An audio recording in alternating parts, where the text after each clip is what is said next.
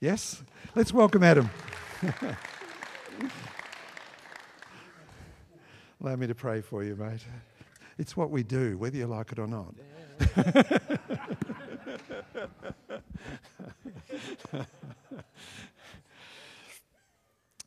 Father, Father, we thank you for Adam. We thank you for Ben. We thank you for those who are called to teach.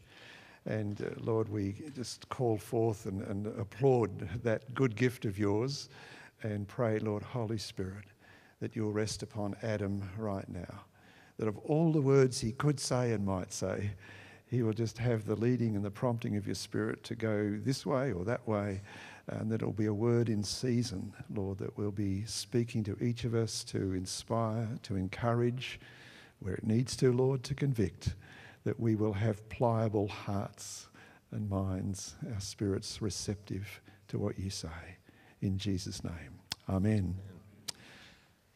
Did you need a stand for that? No, no, it's all right. I'll sort it all out. I'll sort it all out. Morning, everybody. All right. I think I'll sort it all out. Yeah, well, as long as it doesn't fall off the screen. Let's see if this works today. Um, we talked last week. If you were here last week, you saw the message on YouTube. Perhaps I'll stay on my spot so I stay in the camera. I didn't notice that. I, I did notice that. I'm sort of a wanderer. I'm kind of I, I, tend to wander away from my stand. I'll have to try and plant myself. Last week, when we started this uh, series, or I mean, when we started going into the, like, I guess the preaching aspect of it, we, just to get a sense of kind of where we are in the book, here's a song. Maybe not. Yay, there we go. Um, there we go, it works. So last week, just to get a sense of kind of where we are in the book, we talked a lot about Roman power. Uh, Roman military power, Roman economic power, Roman religious power, especially the cult of Rome and the worship of Rome as an empire, the worship of the emperor. And this kind of worship, that sort of religion was rife in Asia Minor at in in the first century, especially the end of the first century when Revelation was written. And we talked about how this Roman power lies behind the writing of Revelation.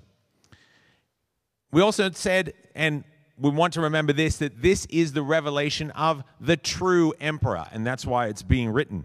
It is the revelation of Jesus Christ. It is the revelation of the true emperor. And so, as a book, it's really about how Christians are supposed to live in light of these realities, in light of powerful empires who stand against God, who stand against Christ, who stand against the true emperor, but in recognition of who is really in charge, in recognition of who the real emperor actually is. And so Christians in this book are called to give their allegiance, and I want to stress this point so much, to give their allegiance only to Jesus and to expect persecution and even death as a result of that allegiance. But also, and we don't want to forget this, also expecting God to judge Rome and to vindicate his people as they patiently wait for him, as they patiently persevere and suffer death in his name. And so we got a, first taste of that last week in the letters, or probably better called the messages section of the book, chapters two and three. And we'll continue to see these ideas developed even further today. And that message of how Christians are supposed to live and die for their allegiance to Jesus will become even clearer, I, I hope, today. If it doesn't, I'm probably not doing my job. Now, look, as a result of that and talking about these things, look, some of what I say today might it might be a bit new to you. It might even be a bit challenging to you. And in one sense i guess that's sort of what this series is all about. It's really it's trying to challenge some of our preconceptions and some of the ideas we've held on to for a long time about revelation about the world whatever and so, with that in mind, look, if you do have any, if you do find anything that I'm about to say, I guess, difficult, or you have some questions about it, you can write to me at that address. And I really do mean you can actually, you can really write to me. Vera sent me a lovely painting, um, which I'm going to pass on to Ben. I think we'll have to show it. It's a beautiful painting that um, I'm hoping you get a chance to see. Uh, so, but you can write to me with questions. I'm not saying I'm going to have all the answers, but hopefully I can direct you to a book or somebody else who actually does have the answers that you want. Um, so please do, do take, do avail yourself of that opportunity. But I think that whatever it is that I say today, I think the one thing that we'll all be able to agree on is that in today's text, we're going to encounter the hero of the book of Revelation. And the message that I just mentioned of Christians needing to be willing to die for their allegiance to Jesus is really, in a lot of ways, based upon the hero of the book. And so we're going to encounter the hero of Revelation this morning. Now, when we say that word, when we think heroes, come on, play ball. Oh yeah, okay, yeah. I'll, I'll just when you see me clicking away, and I'm just, I'm, I'm, I'm like, you'll, you'll know, you'll know. That's my, that's my signal. I'm gonna hold on to this because I like holding it. Um, and when we think of heroes, oftentimes we think of these movie examples, right? That's what we think of when we think about heroes in our world. And, and really, I'll ask you this question how, how do these heroes win in the end? How do they achieve victory? Exactly. That's exactly right, Trav. By either knocking out, that's the nice version of it, or killing as many of the villains or the bad guys as they can. Right? They all use force to conquer, or use violence to conquer. And some people actually think that that's how Revelation works. That it's really, you know, it's about an angry and a vengeful and a violent God who's just striking out against humanity and paying everybody back for what they've done.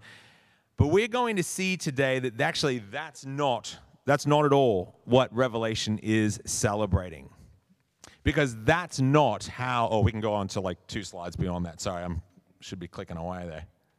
There we go. Yeah, that's not that's not how that's not what Revelation is celebrating because that's not how the hero of the book wins. That's not how the hero of this book achieves victory.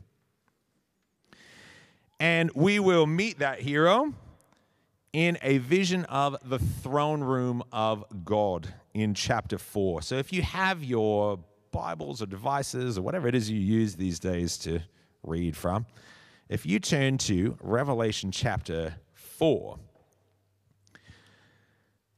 we'll start to talk about this throne room vision. Now, in this section of the book, John hears a voice calling him into the heavenly realm, like. And this is how apocalyptic literature works. And we're going to talk about that a little bit later on.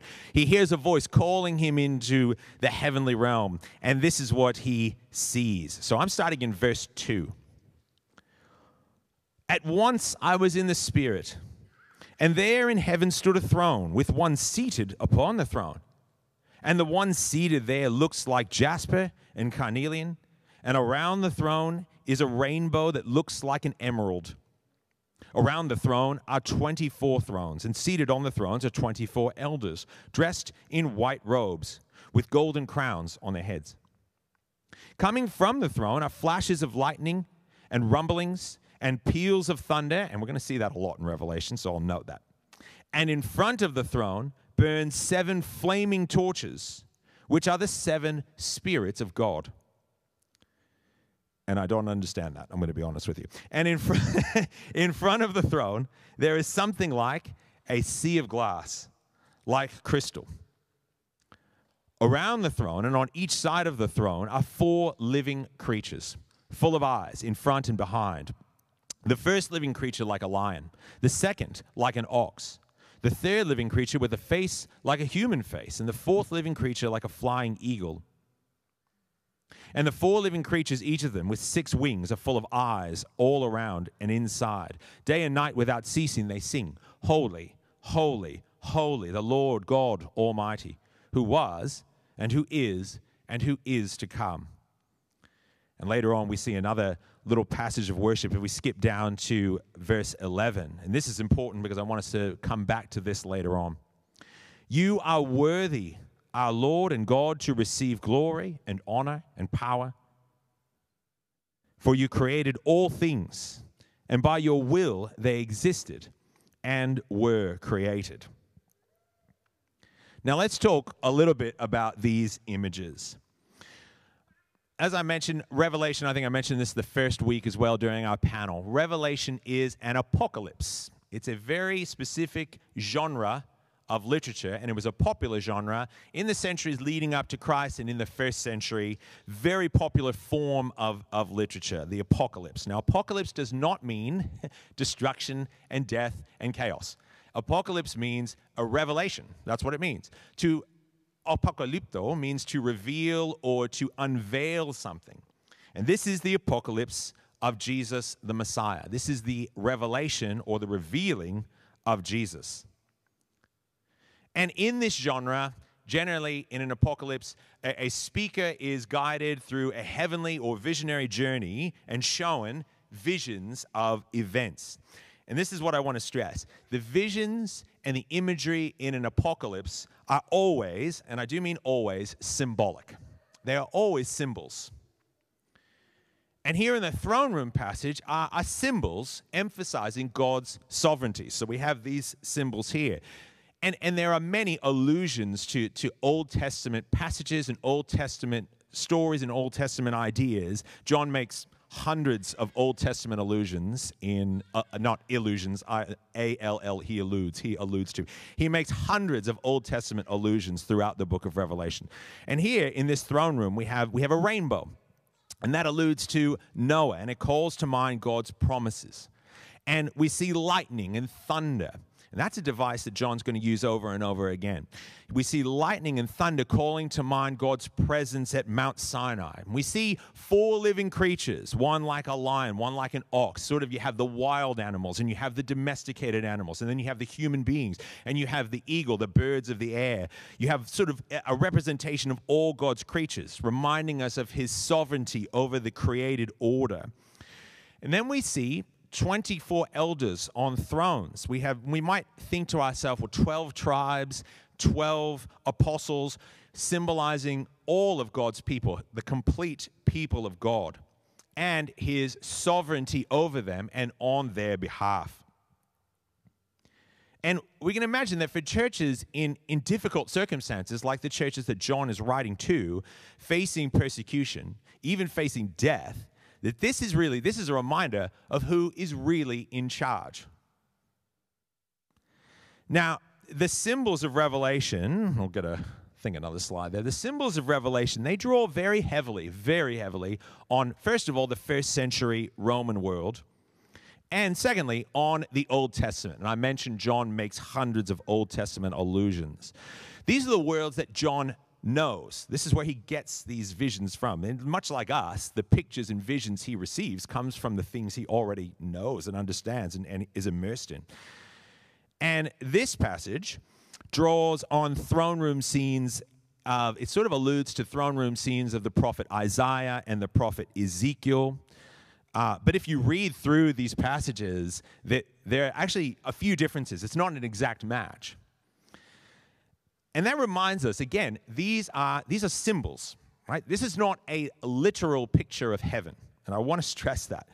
This is not a what we're seeing here is not like if we peel back the curtain, this is what John is seeing here is exactly what we'd see. This is not a literal picture of heaven any more than this is a literal picture of heaven. Right? Any more than sorry, next slide. That's not a that's not a literal picture of heaven there, right? Just in case you needed to see. Uh, any more than later on we'll see a literal scroll with literal seals or literal trumpets or literal bowls, right? These are all symbols. Now I'm going to pause here to say this. Because when you talk about Revelation and its symbols, there are, there's a number of different ideas floating around. Um, so I'll just pause here to sort of have a bit of a reflection. There's one view, Darrell Johnson, if you've been listening to, how many people have been listening to Darrell Johnson series? Oh, good. Two, three, four. All right, good. I'd encourage you, I really would. I'd encourage you to listen to his series. It's quite good. It's very good. Um, and Renee can get you the YouTube links if you need them. Um, it's very good. But Darrell Johnson's view is that God showed John sort of this whole book almost like a movie from beginning to end, like a drama. That John sat down one Sunday morning and God screened this book for him, right? And that John basically sort of wrote, and this is this it is his view. This is exactly what he says uh, that you know John basically just sort of scribbled down what he saw, like wrote the Wikipedia synopsis of what he saw, right? And, and if you can't tell, uh, that's not really my view because I, I think that really makes John into a diary keeper instead of an artist. My view is that this is, this is really more of a, it's a partnership between John and the Spirit in which John, yes, is given pictures and visions, much like we are, but that he is also given space. There's a bit of a slide. Was also given space to, to reflect upon those visions, to pray over them, to arrange them, to organize them. Right? He is given freedom, and listen to this, he is given freedom to use the intellect and the creativity that God has given him and the writing gifts that God has given to him. And there's no doubt in my mind, and my background's in literature, so that's where this is coming from, a lot of it. There's no doubt in my mind that John is a literary artist. Right? If you read Revelation, I don't know how you can get by that. Like, I don't know how you could say he's not. He's using contrast, he's using irony. He's using repeating themes and motifs. He's using framing devices to create sections in the book. He's using transitional devices to move between the sections of the book. He's using, did I say contrasts and comparisons? Yeah, he's using what we call foils. That's the literary term. He uses foils, and we'll get to that. I think on my next preach, I'll talk a little bit more about that. So I won't give that away. But there's there are stacks of literary devices that he is using in this book. And I want us to understand that. There's a parallel, I think, with the Gospels. Uh, yes, they are eyewitness accounts of Jesus' life. That much is understood. But the different Gospels don't always include the same stories. A lot of times they're quite different. And when they do include the same stories, they don't always put them in the same order. And even when they put them in kind of the same order, sometimes they alter the details of the stories. Or they even like crunch down the timeline. Like in Mark, if you read Mark, you would honestly think that Jesus never takes time to eat or sleep because everything is immediately he did this. He goes one side of the lake, he goes to the other side of the lake, he goes to the north side of the lake, he goes to the south side of the lake, he goes to this village and that village. And everything is immediately, immediately, immediately, immediately. And that's a device that Mark is using in his gospel that's something he, he wants to stress sort of the excitement and the, the immediacy of the events. That's what Mark is trying to do. And he had the freedom to do that. And I think John also had the freedom when he wrote this book to make these literary choices. Richard Bauckham, who's actually really one of my favorite, he is my one of my favorite biblical scholars. I think he really puts it best. He says this Revelation is a literary work composed with astonishing care and skill. We should certainly not doubt that John had remarkable visionary experiences, but he has adapted them through what must have been a lengthy process of reflection and writing into a thoroughly literary creation, which is designed not to reproduce the experience so much as to communicate the meaning of the revelation that God had given him. And since I can't say that better myself or add anything to it, I'll just leave it there. Now, with that in mind, moving on, we're going to talk about the next section here, chapter 5, which is really about the scroll. Well, it's not about the scroll, a scroll is a, a key feature. But yeah, I'm sorry, I'm not, we're not talking about opening the seals. Ben, my partner in crime, will talk about the seals next week. We're not getting there, all right? I might give a little hint, but I'm not going to give anything away. Don't stress. All right. The scroll. Don't stress, it's coming. All right. If you're in chapter 5, you want to read along with me, this is what it says. Then I saw in the right hand of the one seated upon the throne a scroll, written on the inside and on the back, sealed with seven seals. And I saw a mighty angel proclaiming with a loud voice, Who is worthy to open the scroll and break its seals? And no one in heaven or on earth or under the earth was able to open the scroll or to look into it. And, and I began to weep bitterly because no one was found worthy to open the scroll or to look into it. Then one of the elders said to me, Do not weep. See, the lion of the tribe of Judah, the root of David, has conquered, so that he can open the scroll and its seven seals. Now, what is the scroll? You might want to hold on to that. Hallelujah, mate. I'll, t- I'll tell you, you might, you might just want to hold that thought. Um, because it might come crashing down on you a little later. Uh, just, just hang on to that one. Um, what is the scroll? Well, it's in the right hand of the one on the throne. So it's clearly God's scroll. It's full of writing on the front and on the back. So it's a serious deal. It's sealed with seven seals. Now, when the scroll is eventually open, and Ben's going to talk about that next week, all right? When the scroll is eventually open, a bunch of terrible things start to happen. So, why, why is John weeping then when no one is found worthy to open the scroll? What's that about? Well, in short, this is the scroll of God's purposes. His purposes for dealing with evil in the world and the persecution of his people. And God always has and has always had a plan to deal with evil and injustice and brokenness. And that's why John is weeping.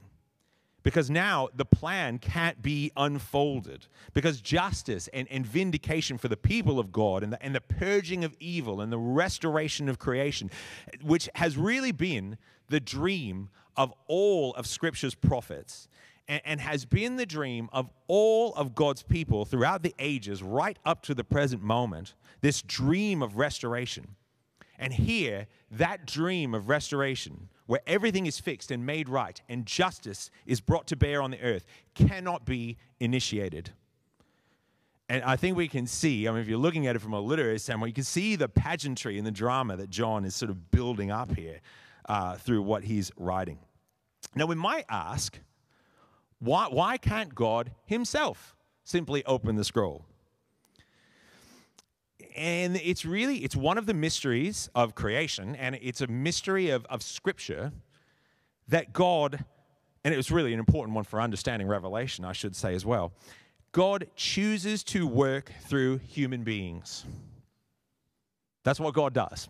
God chooses to work through human beings he doesn't do he doesn't do everything just himself he he does the heavy lifting yeah but he but he chooses to work through us of course, the problem here is that the, the present state of humanity is such that no human being is really found worthy enough for the task of opening the scroll. But in fact, there is one, and there is only one. Because now we, we reach the critical moment of this passage, and the hero of the book appears. Now, I promised you the hero would appear today. Here he comes. And this is what it says in verse. Sorry, I read that bit already. Never mind, I don't need to read it twice. All right? The hero does appear. It's good news. Someone can open the scroll. Who can open the scroll? Well, the elder says, the lion of the tribe of Judah, of Judah, Judah, Judah, duh, Judah, the root of David, can open the scroll. He has conquered and is worthy to open the scroll. Mm, but here's the thing one of the major motifs in Revelation, and we see it again and again and again, is the difference between what John hears and what he sees.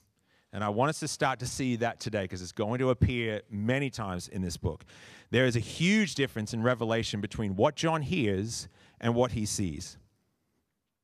It's a literary device that John uses, and he uses it to subvert our expectations. And Revelation is all about subverting what you expect. You expect one thing, but you're shown something different. And here we'll see that because John hears about a lion, he hears about the root of David. And what do we expect to see? Well, we expect to see a warrior, right?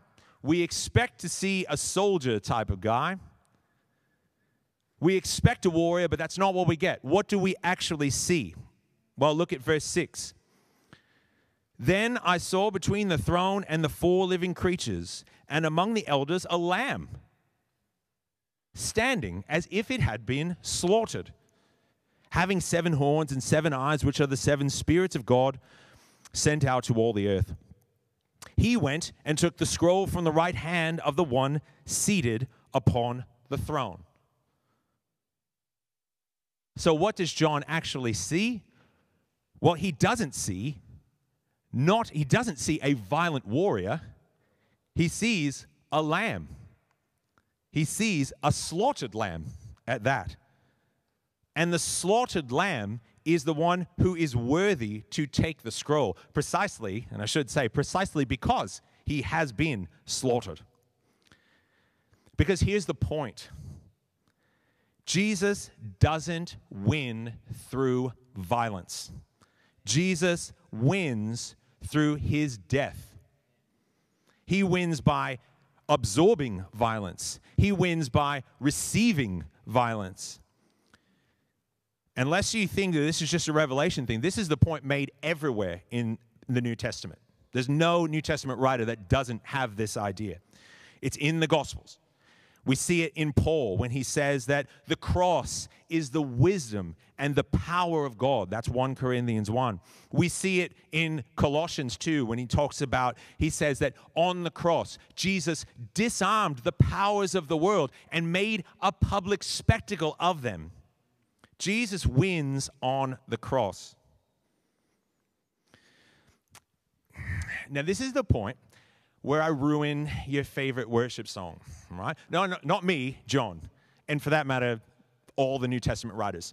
Um, not me. I, our God is a lion, roaring with power, fighting our battles. I've even heard people say, I don't know if you've heard this before, people say, like, well, Jesus came the first time as a lamb, but he's coming back as a lion. Has anybody ever heard that? I'm glad that not many of you have heard that. I'm going to tell because I've heard that said many times. Listen to this. Revelation never says, never says the lion and the lamb. In fact, that's pretty much the opposite of what Revelation is saying. It's not saying, it's sorry, it's not saying the lion and the lamb. What it is saying is not the lion, but the lamb not the violent warrior, but the humble martyr is the hero of this book. And the slaughtered lamb is the one who is victorious. The slaughtered lamb is the one who is worthy to take the scrolls because he allows himself to be slaughtered. Because he takes the weight of the world's worst violence and the world's worst evil upon himself. He absorbs it like a sponge. And he, he destroys and, and, and lets that evil sort of burn itself out in his own body. And now it really, it, there's a brilliant literary move that happens here. And John sort of brings us full circle. In chapter 4, this is what we read. In chapter 4, we saw the one on the throne is the one who is worshiped and is worthy to receive glory and honor and power. Can I get the next slide, Britt? Sorry. Oh, go back. Oh, sorry. Yeah, go back one. Yeah, I'm miles away. There we go. Yeah, in chapter 4, we see this the one on the throne. You are worthy, our Lord and God, to receive glory and honor and power. And now, at the end of chapter 5, we see this said about the Lamb Worthy is the Lamb that was slaughtered to receive power and wealth and wisdom and might and honor and glory and blessing. And if we go down even a little bit further, into verse 13, there's a joining of the two, the one on the throne and the Lamb. To the one seated upon the throne and to the Lamb be blessing and honor and glory and might forever and ever. And the four living creatures said, Amen. And the elders fell down and worshiped. Mm. This is this is this is high Christology. I mean, if you there's a theological term about called high Christology, like where it's the deity of Christ is emphasized strongly. Well, this is pretty much the highest Christology you get in the New Testament books, because the Lamb, the slaughtered Lamb, is the hero of Revelation. The slaughtered Lamb is the hero of God's story. And it's in this fact that we find the message of the book. And it takes us back to what we looked at last week. In the letters section, the messages section, we saw, we talked about the victors and the conquerors. Who were the victors? Who were the conquerors? They are the persecuted. They are those who would face death rather than compromise. They are those who are killed for their commitment to Jesus their commitment to the Lamb. And I, I want to say, I, this message will keep coming up, and I want to stress it. we, in this world, we should not, if we are following the Lamb, we should not expect to be treated well. All right? We should, I, I can't say that strongly enough. We should not expect to be treated well. We just won't be. And I mean, we do have an election coming up, and that's all well and good, and it's nice, and, you know, hopefully some good people that will get in. But don't ever expect this nation to be a Christian nation. It's not. It won't be. If you can't baptize it, it's not Christian. All right? It's, it's just true. You can't, if you can't, I would say the same thing about the United States. The United States has a big thing going around about how, you know, we're a Christian nation. No, you're not. You're not. You can't be.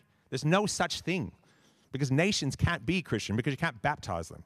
All right? Because a nation can't give its allegiance to Jesus. It never will. All right? And because it never will, it's never going to be Christian. We should not expect to be treated well on this earth because our master was not treated well on this earth. And that's what this book is about. That's what it's about. It's about expecting. I mean, it's, it's sad. It's hard. I mean, it's, it's hard. I'm not saying it's easy. Um, it's not easy, but it, it, it's true that really we follow a slaughtered lamb who is our hero and our master. All right? And in this section, Jesus, the lamb, is the model for the Christian way of life. And so the message here is clear Jesus is not like the movie heroes conquering through violence. Jesus conquers through his submission, through his submission to mistreatment and to suffering and to death. And so will those who follow him. Well, that's cheerful. Um, it's, but it's true. Like I said, I, I, didn't. I never said it was easy, but I, I did. I did say that's what that's what's being said, and that's really what's being said in the New Testament if we read it. If we if we read it well, I think. I want us to sort of get into groups to kind of talk about this. It's a lot to absorb. It really is. Um, there's some questions that I, I have here that I want us to consider. So if you just sort of group up with those around you, um, and if you are new this morning, boy, you really walked into you walked into a heavy firestorm. Um, but it's it's not light and lighthearted. Um, but yeah, just I mean, gather around with the people around you. Um, these are two questions I'd like you. To, you can talk about. You may not go in this direction, but if you want some guiding questions, one is you know much contemporary Christian imagery and writing portray, portrays God and portrays Jesus as warriors or lions. You see this quite a bit. How how do we respond to that? That kind of imagery in light of what we see here in Revelation. And then the second one is how do you think the image of Jesus as the Lamb fits in with the rest of Scripture? Maybe the Old Testament, maybe the New Testament, but how do you think that fits in? Sort of heavyish topics. So if you go off, if you go off the point, nobody's going to blame you. I'm not going to be coming around to give you a quiz. All right. Um, so yeah, if we if we just take a minute to kind of gather around, and then I don't know, I can come up and wrap it up at the end after five.